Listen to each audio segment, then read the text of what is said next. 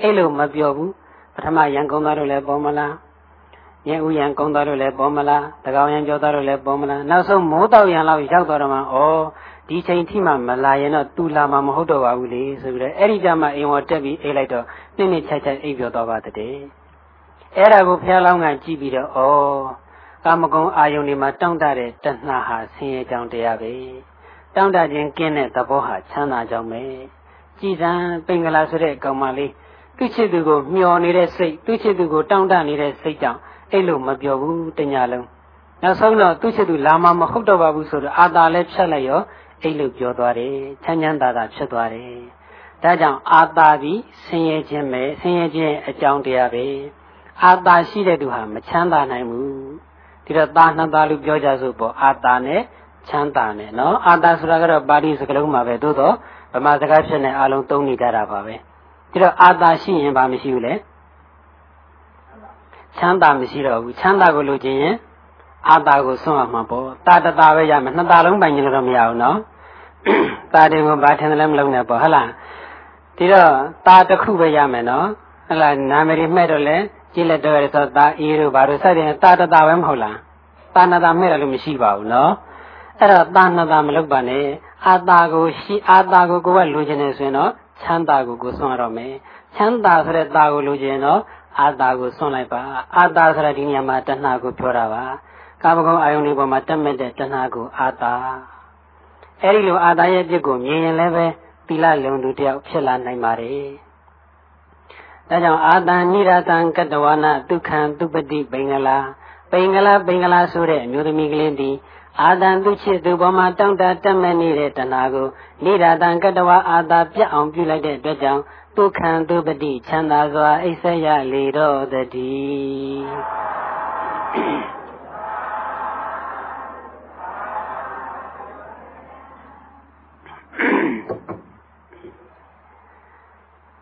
အဲဒီလိုနဲ့ဘုရားလောင်းက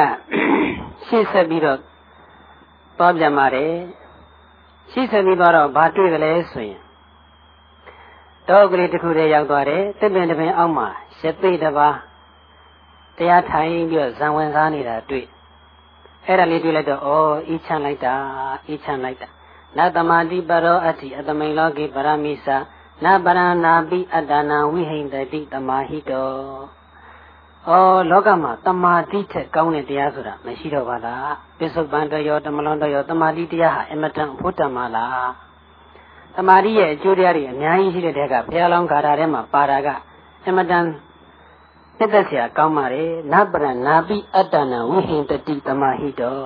တမာတိရှိတဲ့ပုဂ္ဂိုလ်ဟာကိုကိုကိုလည်းမညှင်းဆဲဘူးသူတစ်ပါးကိုလည်းမညှင်းဆဲဘူးတဲ့ လောကမှာကိုယ့်ကိုယ်ကိုစိတ်ဆင်းအောင်လုပ်နေတယ်ဆိုတာတမာတိမရှိလို့ပါပဲ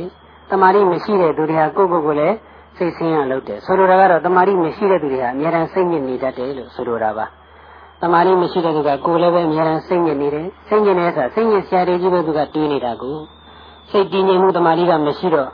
တမာတိမရှိတော့အတွေးတွေပဲဝင်နေတယ်တမာတိမရှိတဲ့သူကအတွေးတွေဝင်နေဆိုတော့ကောင်းတဲ့အတွေးဝင်သလားဆိုတော့မဟုတ်ဘူးမကောင်းတဲ့အတွေးတွေပဲဝင်တာများတယ် အတွင်းများတဲ့သူကအများကြီးအဆိုးကိုပဲတွေးမိတတ်ကြပါလေအဆိုးကိုတွေးတော့ဖြစ်ခဲ့ပြီးတဲ့ပြဿနာတွေအကြောင်းပြန်တွေးတယ်အဲ့ဒီပြဿနာတွေနဲ့ပတ်သက်ပြီးတော့ပြန်လဲခံစားတယ်ခံစားပြီးတော့စိတ်ညစ်နေတယ်အဲ့ဒီပြဿနာမှာငါမှန်ရတဲ့နဲ့သူကဘယ်လိုခံရကိုယ်လည်းပဲစိတ်ညစ်နေတယ်အဲ့ဒီပြဿနာဖြစ်တဲ့ကသူငါရဲ့စေတနာကို तू နားမလဲဘူး तू ကငါ့ကိုဘယ်လိုထင်နေစရရချင်းကိုယ်စိတ်ထဲမှာထားရုံနဲ့မပြီးဘူးကိုယ်ပဝင်ရင်ကိုပြောသေးတယ်ဘယ်တော့မှဘယ်ပြဿနာဖြစ်တော့ ကျွန်တော်ကဘလို့ပါသူကဘလို့ထင်တယ်အဲ့လိုဆိုတော့ကိုယ်ပဝင်ရင်ကိုယ့်ရဲ့အပူတွေကူးဆက်တခါအဲ့ဒီကိစ္စကိုပြဿနာဖြစ်ခဲ့တဲ့ပုဂ္ဂိုလ်စီကြံရတော့လေတခါစိတ်ညစ်အဲ့ဒီလိုအဖြစ်တမာတိမရှိတဲ့သူဟာကိုကိုယ်တိုင်နဲ့စိတ်ချမ်းသာအောင်မနေတတ်ဘူးအများအားစိတ်ညစ်နေတယ်ကိုယ်ပတ်ဝန်းကျင်ကိုယ်နေဆက်ရကိုလည်းပဲစိတ်ညစ်အောင်လုပ်တတ်ပါတယ်ဒီချက်ဟာအင်မတန်လေးလေးနက်နက်နဲ့ချက်ထွင်ပြီးတော့စဉ်းစားရမှာပါပဲကိုကိုကိုစိတ်ချမ်းသာအောင်မလုပ်တတ်တဲ့သူဟာသူတစ်ပါးကိုလည်းဘယ်တော့မှစိတ်ချမ်းသာအောင်မလုပ်တတ်ပါဘူး ကိုကိုယ်တိုင်အများအားစိတ်ဆင်းရဲနေတဲ့သူဟာသူတစ်ပါးကိုလည်းစိတ်ဆင်းရဲအောင်လုပ်တော့မှာပါပဲဆိုတော့အိမ်မှာအိမ်တော်ဦးစီးကစိတ်တုံနေပြီအကြောင်းတစ်ခုခုကြောင့်စိတ်တုံနေပြီဆိုရင်အိမ်မှာရှိတဲ့သူတွေအကြောင်းမရှိအကြောင်းချပြီးတော့ဟိုစုဒီစုမလုပ်ကြဘူးလားအိပ်ကြော်ကြပြီတင်တယ်နော်အဲ့တော့အိမ်တော်ဦးစီးပုဂ္ဂိုလ်ကစိတ်တိုနေပြီဆိုရင်အိမ်မှာရှိတဲ့ပတ်ဝန်းကျင်ကအိမ်မိသားစုတွေကစိတ်မညစ်ရဘူးလားအဲကိုကိုကိုစိတ်ချမ်းသာအောင်မနေတတ်တော့ ကိုပတ်ဝန်းကျင်လည်းစိတ်ဆင်းရဲတော့တာပေါ့ငါတော့စိတ်မချမ်းသာဘူးစိတ်ဆင်းရဲတယ်ကွယ်ဒါပေမဲ့မင်းတို့တော့ငါစိတ်ချမ်းသာအောင်ထားခြင်းနဲ့ဆိုတာမဖြစ်နိုင်ပါဘူးကိုကိုကိုမှစိတ်ချမ်းသာအောင်မနေရင်ကိုပတ်ဝန်းကျင်လည်းစိတ်ချမ်းသာအောင်မလုပ်တတ်ပါဘူးအဲကြောင့်နဗ္ဗရနာပိအတ္တနာဝိဟိတတိတမဟိတောတမာတိရှိတဲ့သူဟာကိုယ်ပတ်ဝန်းကျင်ကိုဘယ်တော့ကိုကိုယ်တိုင်လည်းကိုကိုကိုလည်းစိတ်ဆင်းရအောင်မတော်မှမလုပ်ဘူးကိုယ်ပတ်ဝန်းကျင်ကိုလည်းဘယ်တော့မှစိတ်ဆင်းရစိတ်ဆင်းရအောင်မလုပ်ဘူး ဒါကြောင့်လောကမှာတမာတိဆိုတဲ့တရားဟာအမျက်ဆုံးပဲလို့အဲဒီလိုဘုရားလောင်းပရောဟိတ်ဘုန်းနာကတွေးပြီးတော့တော်တဲ့ကိုဝင်သွားပြီးတော့ရတိယဟန်ပြုလိုက်ပါတယ်ပြုပြီးတော့ဇံပင်ရှင်တွေကိုရှင်းအောင်ကြိုးစားအားထုတ်ပြီးတော့သိဆုံးသွားတဲ့အခါမှာဓမ္မပြည်ရောက်ရှိသွားပါတယ်ဒီတော့ဒီညမှာပြောချင်တာကသီလလုံုံနဲ့မကျင့်နဲ့ဘုရားလောင်းပရောဟိတ်ပုံနာကတော့သာသနာ့ပကာလဆိုတော့သီလထက်သားတဲ့တရားတမာတိကိုသွားတွေ့တယ် သွားတွေ့တော့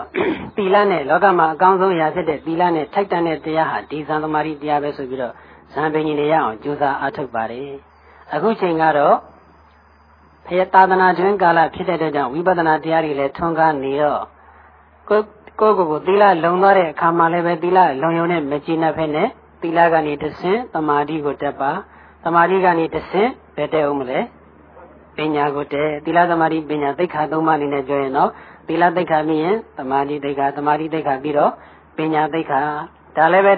သီလပြီးတမာတိတမာတိပညာတို့စကားရတာပြောတာပါတစ်ခုပြီးမှတစ်ခုတလုံးမဟုတ်ပါဘူးငါတို့တော့သီလအဲ့ဒီလိုပြောလိုက်လို့ငါတော့သီလမလုံးနေဘူးတမာတိပညာမကျင့်သေးဘူးလို့ဒီလိုတွေးတော့မှဆိုလို့ပါနော်သီလကိုဖြူစင်အောင်ဆောင်ထိန်မှလည်းပညာကပြည့်စုံပါတယ်ပညာနဲ့ပြည့်စုံအောင်တတိပဌာဝိပဿနာအားထုတ်နေမှလည်းပဲသီလကလုံခြုံသွားပါတယ်အဲ့တော့ဒီညမှာဏီကုန်းချုပ်နေနဲ့ပြောချင်တာက သီလက၄မျိုးရှိတာပေါ့နောက်ဆုံးထိုင်သီလငုတ်တုတ်ထိုင်သီလရှေ့တိုးထိုင်သီလအမှောင်ခွင်းသီလလို့ဘယ်နှမျိုးလဲနောက်ဆုံးထိုင်သီလဆိုတာကတော့သီလလုံခြုံသွားပြီပေါ့၅ပါးသီလပဲဆိုကြပါစို့၅ပါးသီလလုံနေလုံအောင်ဆောင်ထိန်နေတယ်ဒါပေမဲ့သီလမရှိတဲ့သူတွေနဲ့ပေါင်းတယ်ပေါင်းတော့သီလရဲ့သီလမလုံခြုံခြင်းရဲ့အပြစ်တွေကိုသူနားမလဲဘူး သီလရှိတဲ့သူတွေနဲ့တော့မပေါင်းဘူးမပေါင်းတော့သီလလုံခြုံခြင်းရဲ့ကောင်းကျိုးတွေကိုသူသဘောမပေါက်ဘူးသီလရဲ့သီလဖြူစင်ခြင်းရဲ့ကောင်းကျိုးသီလညင်နှောခြင်းရဲ့ဆိုးဖြစ်တွေကိုသူသဘောမပေါက်တဲ့အခါကျတော့တဖြည်းဖြည်းနဲ့သီလဟာဆွယူဆွယူသွားတယ်မထူပါဘူးကွာအင်းမင်းပြောတော့ဟုတ်တာပဲကွာလုံအောင်ဆောင်ထိန်လည်းမထူပါဘူးကွာဆိုပြီးတော့အဲဒီလိုနဲ့တဖြည်းဖြည်းနဲ့သီလမလုံတဲ့သူဖြစ်သွားတတ်ပါတယ်အဲဒီပုဂ္ဂိုလ်ဟာသူ့ရဲ့သီလကိုထိမ့်သိမ့်မထားနိုင်တဲ့အတွက်ကြောင့်သူ့ရဲ့သီလကိုနောက်ဆုတ်ထိုင်သီလလို့ခေါ်ပါတယ် ငုတ်တုတ်ထိုင်သီလဆိုတာကတော့သီလကနေရှေ့ဆက်ပြီးတော့တမာတိတို့ပညာတို့တော့မတက်တော့ဘူးသီလလုံတာလေးတွေးပြီးတော့ပဲကျင့်တတ်တယ်။အော်ငါငါးပါးသီလလုံနေ။အများမိုးကားရေတောက်ပြီးမှငါမတောက်ဘူး။ငါလိုလူစကူးရှိသေးလားဆိုပြီးတော့ကိုယ့်ရဲ့သီလဖြူစင်တာလေးပဲတွေးပြီးတော့ကျင့်တတ်နေတယ်။ရှေ့ပြီးတော့တမာတိတို့ဝိပဿနာတို့ဆက်ပြီးတော့အာမထုတ်တော့ဘူး။သီလသိက္ခာလေးလောက်နဲ့ပဲကျင့်တတ်နေတဲ့ပုဂ္ဂိုလ်ဟာရှေ့မတိုးတက်တဲ့အတွက်ကြောင့်ရှေ့လည်းမတိုးဘူးအောက်လည်းမကျဘူးအလယ်မှာပဲတည်တတ်နေတဲ့အတွက်ကြောင့်သူသီလကို ဘာသီလလို့ခေါ်မလဲငုတ်တုတ်ထိုင်သီလနောက်တစ်ခုကရှေ့တိုးထိုင်သီလဆိုတာကတော့သီလသိက္ခာလုံုံနဲ့မကြည်နဘူးသီလဖြူစင်တဲ့အခါမှာစိတ်ကလေးကြည်လင်သွားတယ်ကြည်လင်တဲ့စိတ်ကိုခြေခံပြီးတော့တမာတိသိက္ခာကိုတမာတိတရားတွေကိုတိုးပေါအောင်ကြိုးစားတယ်သာသနာ့တွင်ကာလဆိုရင်တော့ကတိုင်းတို့ဘာတို့မပွားနိုင်တောင်ဗုဒ္ဓဘာသာဝင်တိုင်းတမာတိသိက္ခာအနေနဲ့အောက်ထစ်ဆုံးဗုဒ္ဓနုတ္တိနဲ့မေတ္တာဒီနှစ်ခုတော့ပွားများသင့်ပါတယ်ဘုရားကုံတော်ပွားတာမေတ္တာပွားတာ အဲ့ဒီသမထအလုပ်အားထုတ်သင့်ပါတယ်ဒါဆိုရင်သမထအလုပ်ကိုအားထုတ်နေတဲ့ပုဂ္ဂိုလ်ရဲ့သီလဟာဘာသီလလို့ခေါ်မလဲရှေ့တိုးထိုင်သီလသီလရဲ့ရှင်းနာကိုနည်းနည်းတိုးသွားပြီတမာတိထိနောက်ဆုံးသီလကတော့အမှောင်ခွင်းသီလဆိုတာကတော့သီလလုံုံလည်းမကျင့်တတ်ဘူးသီလဖြူစင်ခြင်းကိုခြေခံပြီးဖြစ်လာတဲ့ စိတ်ကြည်လင်မှုကိုယဉ်နှီးထားတဲ့တမာတိသိက္ခာနဲ့လည်းမကျင့်တတ်ဘူးအဲ့ဒီတမာတိကိုယဉ်တည်ပြီးတော့ဝိပဿနာလုပ်ကိုဆက်ပြီးတော့အားထုတ်သွားတယ်ဝိပဿနာဉာဏ်မဉဏ်ဖုံဉာဏ်နေနဲ့နိဗ္ဗာန်ကိုမျက်မှောက်ပြုနိုင်အောင်ကြိုးစားသွားတယ်အဲ့ဒီပုဂ္ဂိုလ်ဟာမဉဏ်ဖုံဉာဏ်နဲ့မဉဏ်ဖုံဉာဏ်ကိုရရှိသွားပြီဆိုရင်တက်ဆိုင်ရာကိလေသာတွေကိုပယ်တတ်နောက်ဆုံးယဟန္တာဖြစ်သွားပြီဆိုရင်ကိလေသာအမှောင်တွေအလုံးအဝိဇ္ဇာအမှောင်ကိုအကျွမ်းမဲ့ပယ်တတ်လိုက်နိုင်ပြီဖြစ်တဲ့အတွက်ကြောင့်ဝိပဿနာအလုပ်ကိုအားထုတ်နေတဲ့ပုဂ္ဂိုလ် ဝိပဿနာလို့အားထုတ်ခြင်းကြောင့်မဉဏ်ဖုန်ဉဏ်နဲ့နိဗ္ဗာန်ကိုမျက်မှောက်ပြုနိုင်တဲ့ပုဂ္ဂိုလ်ရဲ့သီလကိုဗာသီလလို့ခေါ်မလဲအမှောင်ခွင်းသီလအဝိဇ္ဇာအမှောင်ညွတ်ကိုအပြီးတိုင်ခွင်းလိုက်တဲ့သီလဒီဒီသီလ၄မျိုးမှာဘယ်သီလအမျက်ဆုံးဖြစ်မလဲအမောင်ခွင်းသီလဟာအမျက်ဆုံးပါပဲဒါကြောင့်သီလလုံယုံနဲ့လည်းမကျင့်တတ်ပါနဲ့ရှေ့ဆက်ပြီးတမာတိတွေနဲ့ပြည့်စုံအောင်ကြိုးစားပါတမာတိတွေနဲ့ပြည့်စုံရုံနဲ့လည်းကျင့်တတ်မနေပါနဲ့ဝိပဿနာလက်ကိုဆက်ပြီးတော့အားထုတ်ပါဒါဆိုရင် လောက၌အကောင်းဆုံးသောအရာဖြစ်တဲ့သီလဟာအကောင်းဆုံးသောအနေအထားအကောင်းဆုံးသောပုံစံနဲ့အကောင်းဆုံးဖြစ်သွားပါလိမ့်မယ်ဒီဟောကျောင်းမှာမထေတပါတော်တဲ့ထီတော်လန်ခီးသွားနေတော့သခိုးဓမြတွေကမထေကြီးရဲ့ပစ္စည်းတွေလူရဲပြီးတော့မထေကြီးကိုຫນွယ်ကျိုးတစ်ခုနဲ့တုတ်ထားခဲ့ຫນွယ်ကျိုးကလည်းတစ်ပင်ကနေဖြတ်ထားတဲ့ຫນွယ်ကျိုးမဟုတ်အပင်ကနေတရားရှိနေတဲ့ຫນွယ်ကျိုး နွယ်ကျိုးနဲ့တုတ်ထားတော့သီလမှာဘုန်းကြီးရဟန်းတော်များရဲ့သီလမှာဒီလိုနွယ်ပင်သစ်ပင်တွေကိုမဖြတ်တော့ရဘူးဆိုတဲ့သိက္ခာပုဂ္ဂိုလ်ရှိတယ်။ဒီတော့ဒီနွယ်ကျိုးကိုဖြတ်ပြီးတော့ထွက်သွားမယ်ဆိုရင်ရပြီနဲ့သူ့သီလပြည့်စည်သွားမှဆိုလို့မဖြတ်ပါဘူး။မဖြတ်ဘဲနဲ့အသက်သိရင်သိပြီတော့တခြားလူဖြုတ်ပေးမှငါတွားတော့မယ်မဖြုတ်ပေးကိုယ့်ဟာကိုယ်တော့မဖြုတ်တော့ဘူးဆိုပြီးတော့တခိုးတည်းတွေကနွယ်ကျုံနဲ့တုတ်ပြီးတော့တုံလုံးလှဲထားတဲ့အတိုင်းဒီတိုင်းပဲမြင်ကြီးပေါ်မှာတုံလုံးလှဲပြီးတော့ ဝိပဿနာတရားကိုအားထုတ်နေပါတယ်အဲဒီလိုအားထုတ်နေတော့9ရက်ပြည့်တဲ့အခါမှာသမင်းတဲ့9ရက်ဆိုတဲ့အတိုင်း9ရက်ပြည့်တဲ့အခါမှာသုတေသွားပါတယ်အဲဒီချိန်မှာသူအနာဂံဖြစ်ပြီးတော့မှသုတေသွားတဲ့အတွက်ကြောင့်ဗြဟ္မကြီးကိုရောက်သွားပါတယ်အဲဒီလိုပဲတခြားမထေရကြီးတစ်ပါးလည်းတော်ထဲမှာတခိုးတည်းတွေက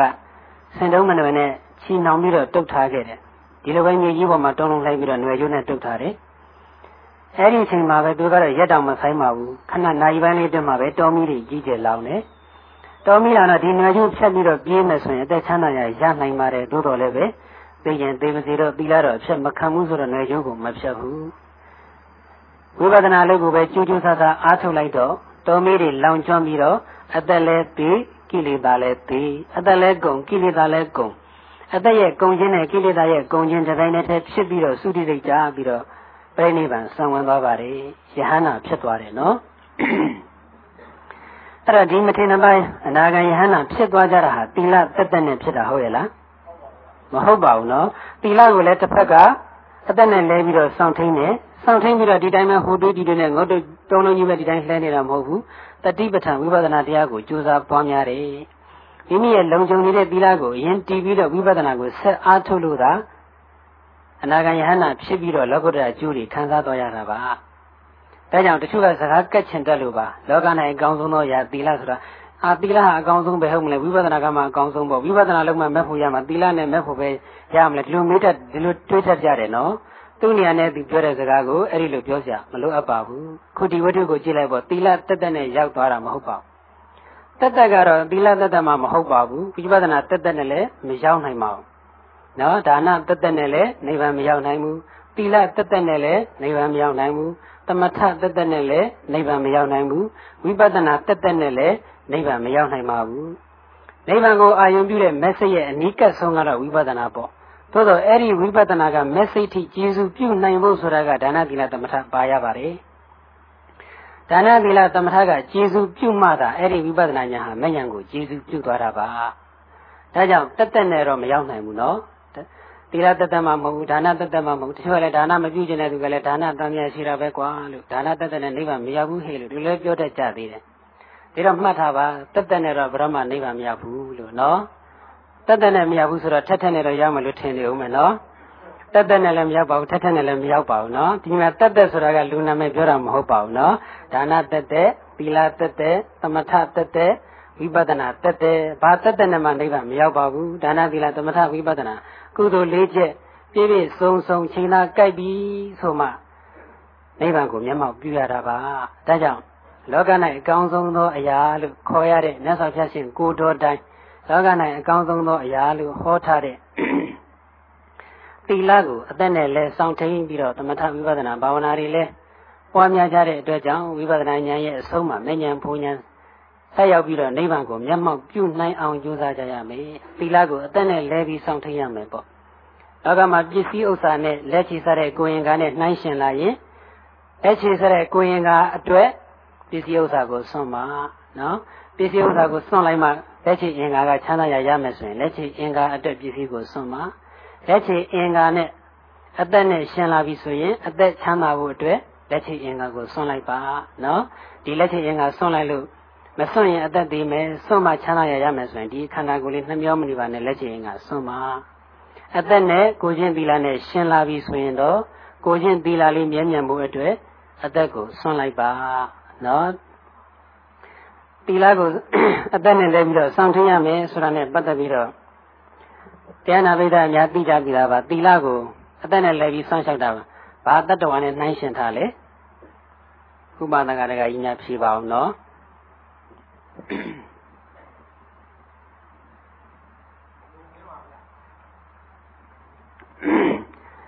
ယုံမင်းကတော့မလွန်ဆန်လူသေးရဲ့တစိတ်ပဲဌာနနော်အသက်နဲ့လဲပြီးတော့ဌာနပြုသွားတာဒီတော့အလောင်းတော်ကိုဆိုလိုတာမဟုတ်ပါဘူးသီလကိုအသက်နဲ့လဲပြီးတော့စောင့်ထိန်တဲ့နေရာမှာစာမရီသားကောင်လိုပဲစာမရီသားကောင်ဟာသူ့ရဲ့အမည်ဆန်ဒီဟုသောအကြောင်းကြောင့် အမည်ဆန်ဒီဟုသောအကြောင်းကြောင့်သူ့ရဲ့အသက်ကိုသာစွန့်ပါတယ်စာမရီသားကောင်ဆိုတာစာမရီဆိုတော့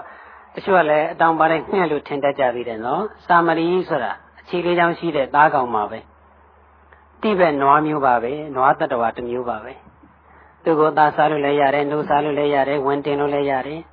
သူ့ရဲ့အမည်ဟာအမတန်ရှိတယ်လှလဲလှအဲ့ဒီအမည်ကို သာမီရက်တောင်ဖြစ်နေလောက်ကြတယ်သာမီရက်ပေါ့အဲ့ဒါကိုသာမရီသာမီရက်လို့ခေါ်တယ်မြေမြောက်တစား၅ပါးထဲမှာသာမရီသာမီရက်ဟာတစ်ခုပါဝင်ပါပဲအဲ့တော့သာမရီသားကောင်တစ်ကောင်ဟာအကြောင်းမတော်လို့ပေါ့လေအသွားမတော်လို့တနည်းအားမှာခြုံွယ်တစ်ခုခုမှာသူ့ရဲ့အမြင်လေးသွားပြီးတော့ညှိတယ်ဆိုရင်အမြင်ဆန်လေးတစ်ဆန်အမြင်ပင်လေးတစ်ပင်သွားပြီးတော့တစ်ပင်ခြုံွယ်မှာညှိတယ်ဆိုရင်ငါအသက်ချမ်းသာရရဖို့အတွက်ဆိုပြီးတော့အမီးလေးတစ်ချောင်းပြတ်ချင်ပြတ်ပါစေဆိုပြီးတော့ယုံမထွက်ပါဘူး ညှိဆန်လေးတပင်တည်းဆိုအကြောင်းကြောင့်ငါအသက်မသေးစကားမှုဆိုပြီးတော့ယုံမထွက်ပါဘူးတဲ့ငါအသက်သေးခြင်းသေပါစေငါရဲ့အမီးဆန်လေးတော့သူ့ရဲ့သဘာဝအတိုင်းအလှမပြက်မြင်းမြောက်တစား၅ပါးထဲမှာအပါဝင်ဖြစ်တဲ့စာမရီတာမြင့်ရက်ကလေးကိုလူသားတွေအလှမပြက်ပဂရိအတိုင်းအသုံးပြုကြပါစေဆိုပြီးတော့သူ့ရဲ့အမီးဆန်လေးကိုအသက်အသေးခံပြီးတော့ဆောင်းလျှောက်ပါတယ်တဲ့နော်စာမရီသားကောင်နွားမျိုးအပါဝင်ဖြစ်တဲ့စာမရီသားကောင်ဟာ သူ့ရဲ့မီးဆန်ကိုအသက်နဲ့ရင်းပြီးတော့ဆောင်းလျှောက်တယ်လို့လူသားများဟာလည်းပဲလူပိသားတဲ့လူများဟာလည်းပဲမိမိရဲ့၅ပါးသီလအခြေခံကြဆုံးဖြစ်တဲ့၅ပါးသီလနဲ့တကွကိုချင်းသီလများကိုသာမဏေသားကောင်ရဲ့ထုံနှလုံးမူပြီးတော့အသက်နဲ့လဲစောင့်ထိန်ကြရမယ်။စောင့်ထိန်နိုင်ကြပါစေလို့ဆုတောင်းရင်းနဲ့ဦးဇင်းတို့ရဲ့တရားညီကုန်းချုပ်ပါတော့မယ်နော်။အားလုံးပဲလက်ဝချီထားကြပါ။အပမဒိနာတံပါဒိထာ ကဲသုံးခေါက်ဆို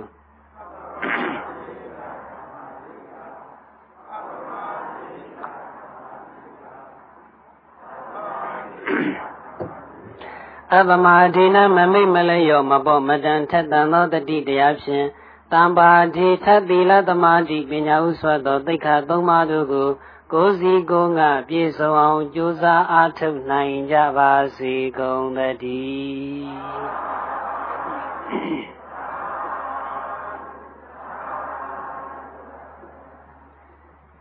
အဲ့တော့ရည်စက်မချခင်တရားလေးခဏတော့9မိနစ်လောက်ဖြစ်ဖြစ်တရားထိုင်ကြရအောင်ပေါ့ဘာလို့လဲဆိုတော့ကိုယ်ဆောင်ထိုင်တဲ့သီလကိုအမွန်းတင်တဲ့သဘောပါပဲနော်ဒီတော့ခုနပြောဖို့အခုတရားလေးထိုင်ရမယ်ဆိုတော့ထိုင်ရမှာကတတိပဋ္ဌာန်တရားပါပဲခုနတရားထဲမှာပြောခဲ့တဲ့ဒီနေ့ခါတော်နေ့ဟာ၅ပါးသီလခါတော်နေ့လို့ဆိုတော့ဒီ၅ပါးသီလလုံမို့အတွက်လောက်ရမယ့်အချက်တွေကိုခုနပြောခဲ့တာနံပါတ်1က စိတ်ကိုယ်မှလည်းမကောင်းမှုမရှိဘူးဆိုတာလက်ခံဖို့ကာမဂုဏ်အာယုန်ဒီပေါ်မှာတတ်မဲ့တဲ့စိတ်မမွေးဘူးတတ်မဲ့တဲ့တဏှာကိုအပြည့်မြင်ဖို့ရှေ့ပိုင်းမှာပြောခဲ့တာကတော့သီလပြည့်ခြင်းရဲ့အကျိုး၅မျိုးသီလရှိခြင်းရဲ့အကျိုး၅မျိုးဒါလေးတွေနှလုံးသွင်းထားလိုက်လို့ရှိရင်၅ပါးသီလလုံသူဖြစ်ပါတယ်သို့တော့အဓိကအကြဆုံးချက်ကတော့မြတ်စွာဘုရားကိုယ်တိုင်ဟောထားတဲ့ပါဠိတော်ပါပဲဣမေတံခောဘိကဝေပင်စနံသိခာဒုပရိယနံဗဟာနာယသတ္တာရောတတိပဋ္ဌာနာဘာဝေတ္တပါ သိခာဒုပရိယနံကိုချင်းသိခာကိုအာနေစေတတ်ကုန်သောဣမေတံပင်စနံပါဏာတိပါဒအရိဏာဒါနာကာမိတုမိစ္ဆာစာရမုဒဝါဒသူရာမိရယမစ္ဆပမာဒဌာနလို့ခေါ်တဲ့တရား၅မျိုးတို့ကိုပဟာနာယပယ်ခြင်းငါသတ္တရောတတိပဋ္ဌာနာတတိပဋ္ဌာန်တရား၄ပါးတို့ကိုဘာဝိတ္တပါပွားများထိုက်ကုန်၏ဆိုလိုတဲ့အဓိပ္ပာယ်ကတော့၅ပါးသီလလုံဖို့အတွက်တတိပဋ္ဌာန်ပွားပါဒါဘုရားဟောစစ်စစ်ပါနော်